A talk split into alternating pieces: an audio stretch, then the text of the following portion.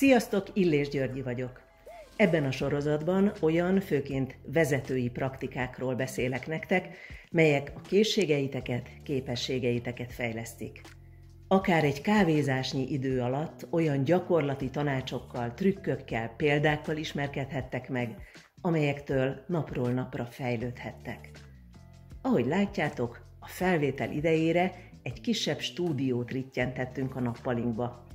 Az eszközök, amiket használtunk, egy kamera, egy laptop, egy telefon, két olvasólámpa, sütőpapír és nyolc darab ruhacsipesz.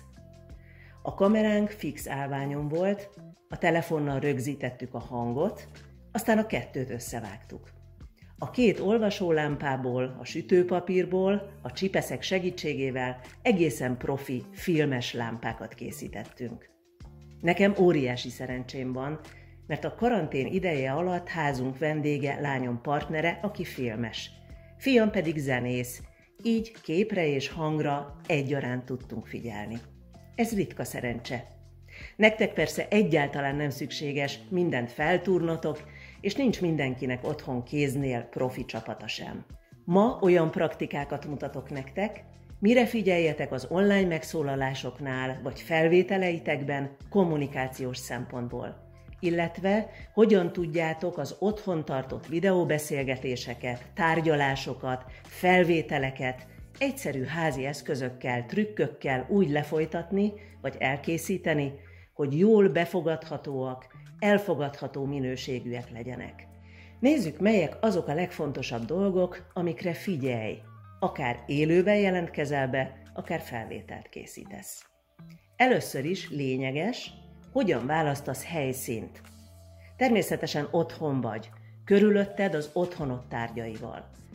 De ha túl sok minden van körülötted, akkor elvonja a néző figyelmét a tartalomtól. Hiszen most belát az otthonodba. Kíváncsi arra, hogy élsz, megnézi a körülötted lévő tárgyakat. Szóval, ha lehetséges, válasz valami semleges hátteret magadnak. Fontos az is, hogy ne jöjjön a hátad mögül a fény, például ne ülj ablak elé. Hogyan ülj a kamerához képest? Jó, ha látszik az arcod, és valamennyire a kezed, hogyha gesztikulálsz. Semmiképp sem menj túl közel a kamerához.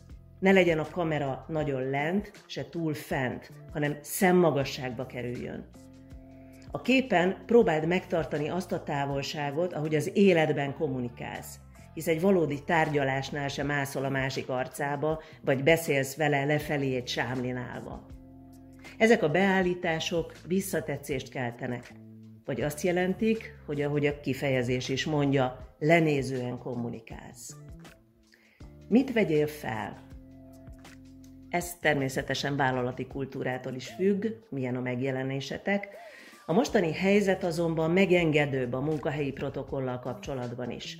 Kicsit lazább öltözéket is választhattok, ami természetesen nem pizsama vagy pongyola, hanem egy egyszínű ing, vagy egy póló is tökéletes választás lehet. Milyen színű legyen a ruhád? A kamerák általában nehezen tűrik a hófehér és az apró mintás ruhákat. A hófehér nagyon világít, az apró mintás pedig zavarja a szemünket. Van olyan helyzet, amikor valamiért kilépsz a képből, ekkor figyelj arra, hogy a kamerát hogyan teszed le. Maradjon egy semleges tárgyra állítva, hogy ne lássak mondjuk egy mezitlábas lábat, vagy egy rendetlenebb sarkot. Hogyan világíts? Ahogy már említettem, a fény ne jöjjön a hátad mögül, mert szembe világítja a nézőt, neked pedig nem látszik az arcod. A legjobb megoldás az, hogyha egyszerűen keresel egy világos helyet. Egy világos helyet választasz a lakásban, ahol a fény szemből világít meg téged. Ez lehet egyszerűen a nap, vagy veled szemben egy-két lámpa. Persze a túl erős fényt is kerüld, ne kelljen hunyorognod, és ne csak egy fehér paca látszódjon az arcod helyén.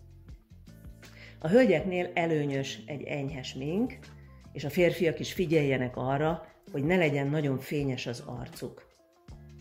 Ezen egy felvétel előtti egyszerű arcmosás is segít. Milyen technikai eszközökre van szükség?